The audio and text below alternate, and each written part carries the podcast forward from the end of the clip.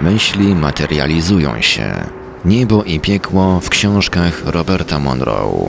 W Radio Paranormalium prezentujemy polskie tłumaczenie prelekcji Matthew Fajka z Winthrop University, wygłoszonej podczas konferencji z cyklu The Human Experience Who Am I, zorganizowanej przez Winthrop University w 2012 roku.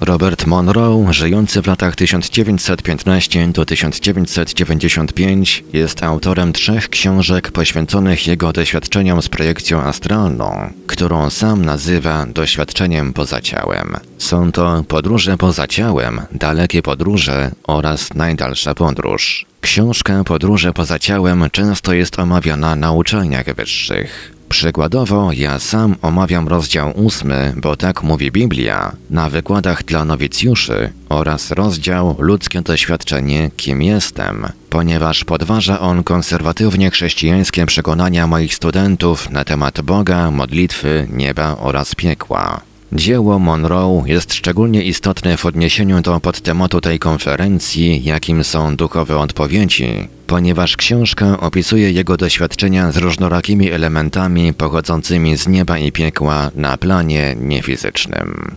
W rozdziale ósmym Monroe opisuje dokonane przez siebie odkrycie niebieskiego miejsca, jakie nazywa domem, jak również obszar, w którym tak zwane diabły i demony atakowały go. Dla właściwego zrozumienia te odkrycia wymagają uwzględnienia jego późniejszej perspektywy przedstawionej w dalekich podróżach oraz najdalszej podróży, w których to książkach rozwija on pełniejszą kosmologię, opisując serię kręgów skupiających się na Ziemi. Owe kręgi nie są jednak rzeczywiście istniejącymi miejscami.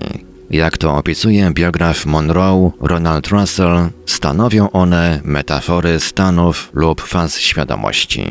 Tam właśnie Monroe odkrywa dwie zasady, które dotyczą wszystkich jego doświadczeń w niebie i piekle, a którymi zajmuje się w mojej pracy naukowej dotyczącej planu niefizycznego. Myśli materializują się oraz podobne przyciąga podobne. Zaczynam od informacji zaczerpniętych z podróży poza ciałem. Monroe czyni rozróżnienie pomiędzy Locale 1, świat fizyczny, a Locale 2, świat niefizyczny.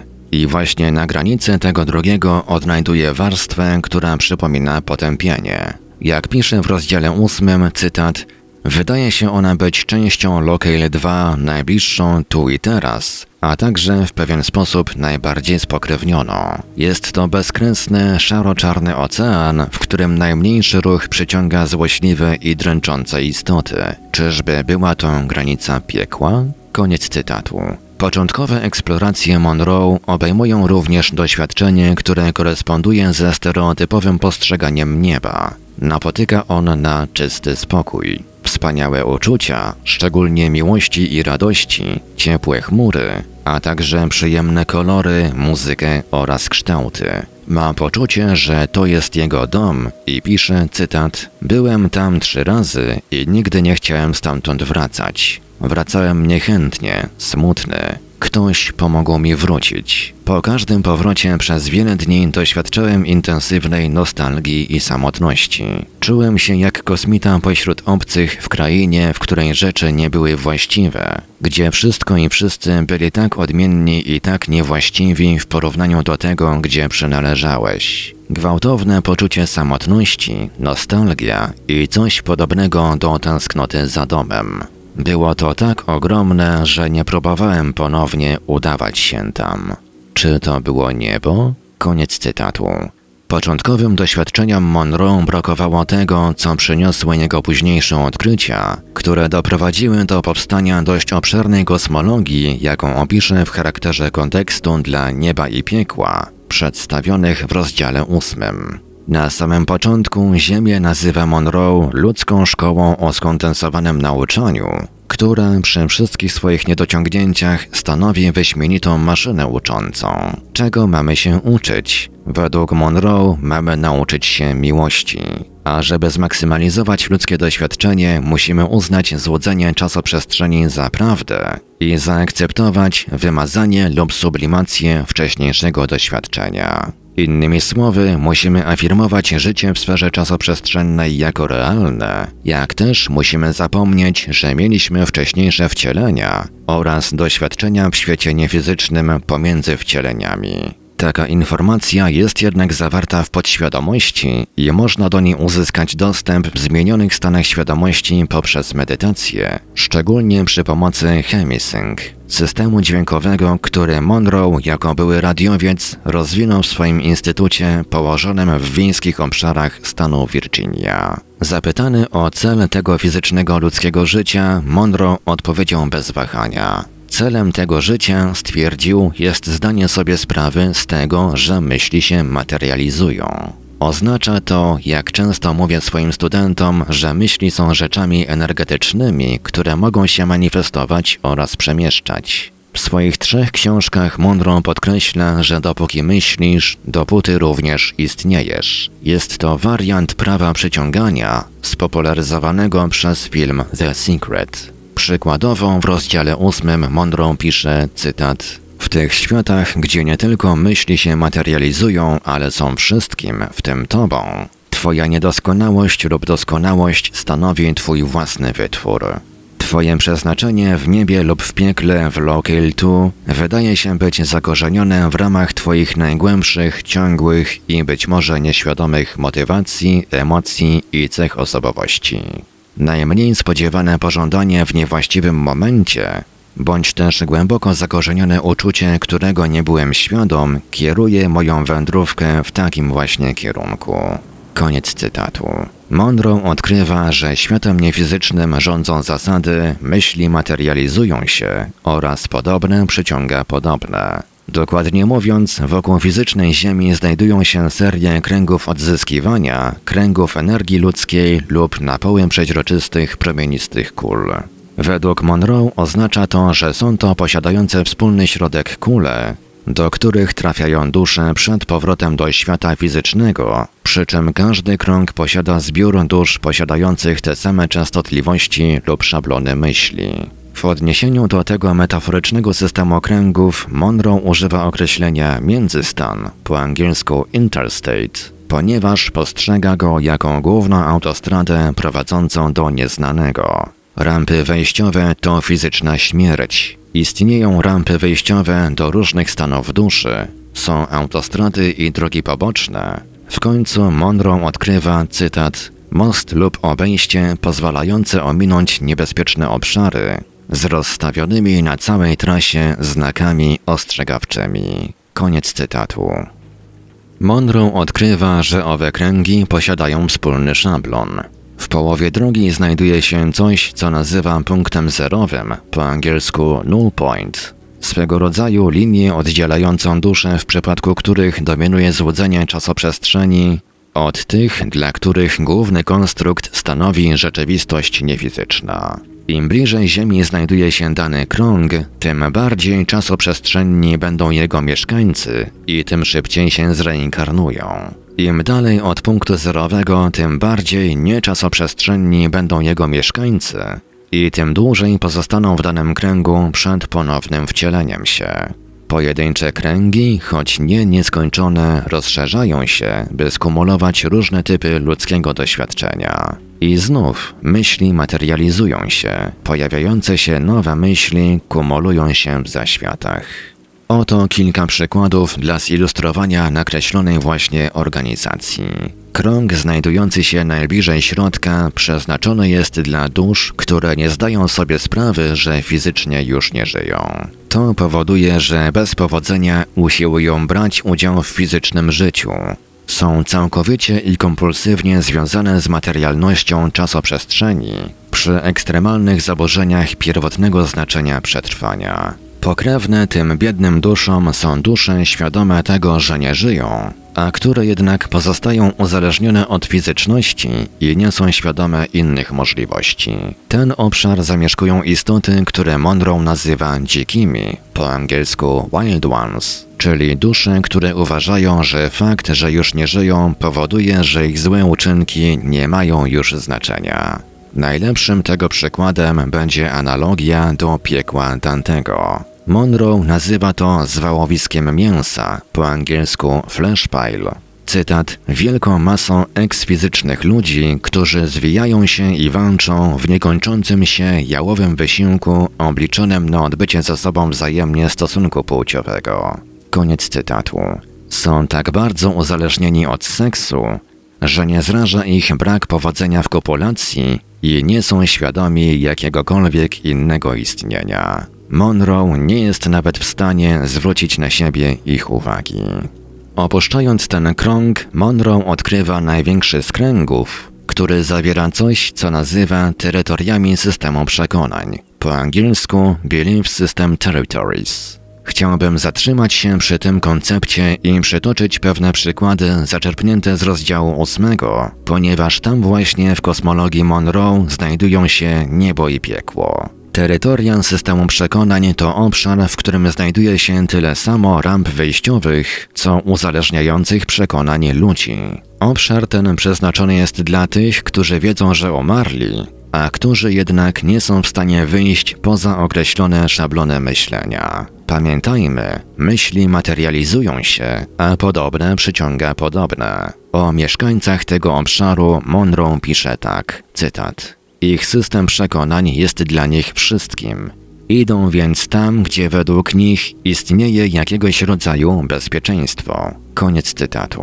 Na przykład trafiasz tam pośród dusz posiadających te same dogmatyczne przekonania religijne. Jedna z kobiecych dusz nazwała wyprojektowanego astralnie Monroe wcieleniem diabła, inna zaś dodaje, nasz pastor twierdzi, że nie ma tutaj takiego odwiedzającego. Monroe wspomina również spotkanie z bardziej świadomą swojego stanu duszą, która wyznawała przeciwny pogląd na ziemską religijność. Cytat. Nikt mi nie mówił, że to miejsce będzie wyglądało właśnie tak. Te bękarty jęczące i krzyczące o bramach niebios, ogniu piekielnym i potępieniu, oni nie mieli pojęcia o czym mówią. Koniec cytatu. Niemniej prawdopodobnie to właśnie tutaj, na terytoriach systemu przekonań, Monroe napotyka na coś, co przypomina mu o powszechnym rozumieniu pojęcia nieba. Doświadczenie niemożliwej do opisania radości, tak intensywne, że jego przewodnik musiał go przed tym chronić. Kolejny zewnętrzny krąg zawiera krainę fantazji, po angielsku Fantasyland, czy też park. Obszar przez innych autorów nazywany krainą lata, po angielsku Summerland. Monroe pisze, cytat, było to miejsce służące do odpoczynku po traumie związanej z fizyczną śmiercią. Przystanek służący relaksacji i podjęciu decyzji, co robić dalej. Koniec cytatu. Podobnie jak ma to miejsce na terytoriach systemu przekonań, myśli materializują się. To miejsce jest stworzone przez ludzi. Możesz tutaj robić co tylko chcesz, pod warunkiem wszakże, że nie naruszasz czyjejkolwiek wolnej woli. Poza parkiem znajduje się krąg przeznaczony dla last timerów. Na język polski można to przetłumaczyć opisowo jako osoby odbywające coś po raz ostatni, którzy oczekują na swoje ostatnie wcielenie. Za tym kręgiem znajdują się skupiska, czy też klastry ja tam, grupy dusz obejmujące wszystkie poprzednie i obecne wcielenia danej osoby, oczekujących na powrót do swoich poszczególnych części. Wreszcie Monroe odkrywa, że on sam jest sondą lub zwiadowcą wysłanym z klastra swojej duszy, aby odegrać kluczową rolę w jej rozwoju. Wcześniej wspomniałem o stosie mięsa, największym piekle, jakie spotykamy w dziełach Monroe, jako o miejscu dantejskim. Jest to jednak tylko częściowo prawidłowe określenie. Podobnie jak w dantejskim Inferno, myśli materializują się. Jednak w kosmologii Monroe możliwy jest postęp, ponieważ myśli mogą być dynamiczne. Gdy dusze ulegają zaczepieniu w ziemskim doświadczeniu, z każdą inkarnacją wpadają do niższego kręgu, jednak nawet w zaświatach możliwy jest rozwój w przeciwnym kierunku, w górę.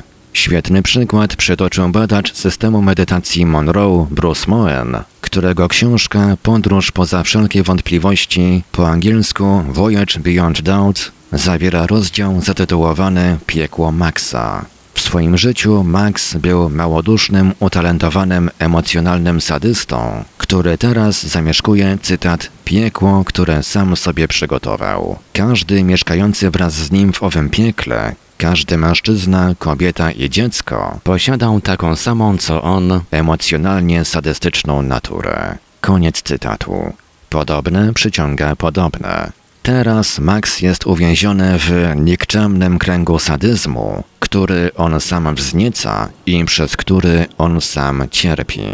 Myśli jednak materializują się. Cytat. Jeśli kiedykolwiek zacznie poddawać w wątpliwość swój dobór przekonań, pisze Moen, będzie to początek wychodzenia z jego piekła. Z owego piekła wypchnie go odrażająca siła. Koniec cytatu.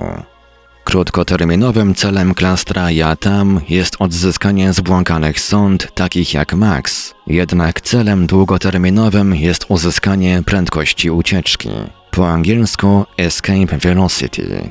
Chodzi o uzyskanie wystarczającego doświadczenia oraz energii miłości, odpowiedniej do wydostania się z uzależniającej grawitacji ludzkiego skompresowanego systemu nauczania. Po angielsku Human Compressed Learning System. Wraz z punktami startowymi metafora zmieniła się z jazdy w metaforę podróży rakietą. Wówczas dusze po prostu znikają. W drodze do kolejnego wcielenia na Ziemi, innej sfery doświadczenia, czy też, jak wskazuje Monroe w rozdziale ósmym, do zjednoczenia z bóstwem, po angielsku Godhead. Ostatnie metaforyczne elementy monroe'owskiej kosmologii, metaforyczne, ponieważ język tylko w sposób niebezpośredni jest w stanie przekazać esencję niewysowionego doświadczenia w świecie duchowym, leżą poza klastrami jatam. Są to przesłona, po angielsku aperture, przez którą dusza wchodzi i wychodzi z ziemskiego systemu uczenia, po angielsku Earth Learning System, oraz emitter, czyli źródło energii tworzące hologram lub sen, w którym żyjemy. Stwórca, co do istnienia którego przekonuje Monroe, znajduje się poza przesłoną i emiterem. Nie jest to jednak Bóg znany z niedzielnych nauczań. Przedstawiona właśnie podróż z Ziemi do nieskończoności obejmuje jeden ze stanów, o których Monroe wspomina w rozdziale ósmym. Ogromny lęk przed demonami lub podobnymi do demonów istotami, które próbują go pożreć. Podejrzewam, że chodziło mu o to, że podobnie jak zwałowisko mięsa stanowi wypaczenie instynktu przetrwania, tak też pożerające demony stanowią wypaczenie instynktu drapieżcy. W rzeczy samej Monroe proponuje drapieżczą teorię życia na Ziemi. Howard Storm objaśnia tę kwestię w swoich wspomnieniach z doświadczenia z pogranicza śmierci, zawartych w jego książce pod tytułem My Descent into Death and the Message of Love Which Brought Me Back. Moje zejście do śmierci i przekaz miłości, który wyciągnął mnie z powrotem. Storm spotyka opisywane przez Monroe gryzące i dręczące istoty w obszarze międzystanu, które Monroe ostatecznie nauczył się przechodzić bez szwanku i szybko, jak gdyby poprzez wspomniany wcześniej most. I znów myśli materializują się, a podobne przyciąga podobne. Storm doświadcza takiej negatywności, ponieważ wiódł życie wypełnione złością, pozbawione miłości, nadziei i wiary oraz skupione wokół niego samego. Pisze cytat: Dotarło do mnie, że przypominałem te pożałowania godne kreatury, które dręczyły mnie. Koniec cytatu. W przeciwieństwie do pożerającego piekła, opisanego przez Monroe doświadczenia domu nijak nie da się umiejscowić w międzystanie. Dom to według Monroe pozaziemski oraz niefizyczny punkt, z którego on sam pochodzi, a który nazywa KT-95. Przypuszczalnie jego duchowa esencja nie jest ludzka. Gdy Monroe później wraca do domu, odkrywa, dlaczego w ogóle go opuścił. Chmury, muzyka, kolory, wszystko jest zapętlone. Przed swoimi wieloma fizycznymi wcieleniami na Ziemi opuścił dom z powodu ciekawości doświadczenia czegoś nowego. Teraz wie, że wcale do domu nie należy, ponieważ, cytat, nie ma tam wzrostu, nie ma niczego nowego do nauczania się lub doświadczenia. Koniec cytatu. Dom stanowi ślepą uliczkę. Podsumowując, doświadczenia Monroe związane z żarłocznymi istotami oraz domem opisane w rozdziale 8 przypuszczalnie mają miejsce poza terytoriami systemu przekonań, w których później zlokalizował niebo i piekło. Żarłoczne istoty egzystują blisko Ziemi, dom zaś jest miejscem pozaziemskim. Częścią systemu przekonań może być jedynie podobne do nieba miejsce, cechujące się nieopisaną radością. Kończąc, chciałbym zaprezentować implikacje systemu nakreślonego przez Monroe. Być może jego najważniejsze stwierdzenie dotyczy następującej podstawowej zasady, fundamentalnej wiedzy, której poszukuje w najdalszej podróży. Cytat. Fizyczny wszechświat, w tym cała ludzkość, jest trwającym procesem twórczym. Niewątpliwie istnieje Stwórca. Koniec cytatu. Ludzie są współtwórcami, a rozwój jest możliwy nie tylko poprzez fizyczne wcielenie lub reinkarnację, ale również poprzez postęp w zaświatach. I to właśnie dlatego Monroe w swoim instytucie stworzył kurs odzyskiwania dusz zwany Lifeline linia życia przeznaczony dla tych, którzy chcieliby asystować niefizycznym przewodnikom w pomaganiu duszom w przejściu do wyższego kręgu. W świecie niefizycznym myśli przyciągają podobne myśli. Zgodnie z sugestią Monroe trafimy do kręgu, który rezonuje z naszymi myślami oraz życiowymi pragnieniami. Dążąc do metaforycznego ukończenia ziemskiego systemu uczenia, warto zatem wiedzieć, że pojęcie myśli jako rzeczy stanowi zarówno przeszkodę, jak i możliwość. Zakończę cytatem zaczerpniętym z najdalszej podróży. Idea, jakoby każda moja myśl połączona z emocjami promieniowała w sposób niekontrolowany na innych, zawiera masę implikacji. Jak sugerują dzieła Roberta Monroe, jeśli chcesz wieść szczęśliwe życie w zaświatach, bardzo uważaj na to, co myślisz.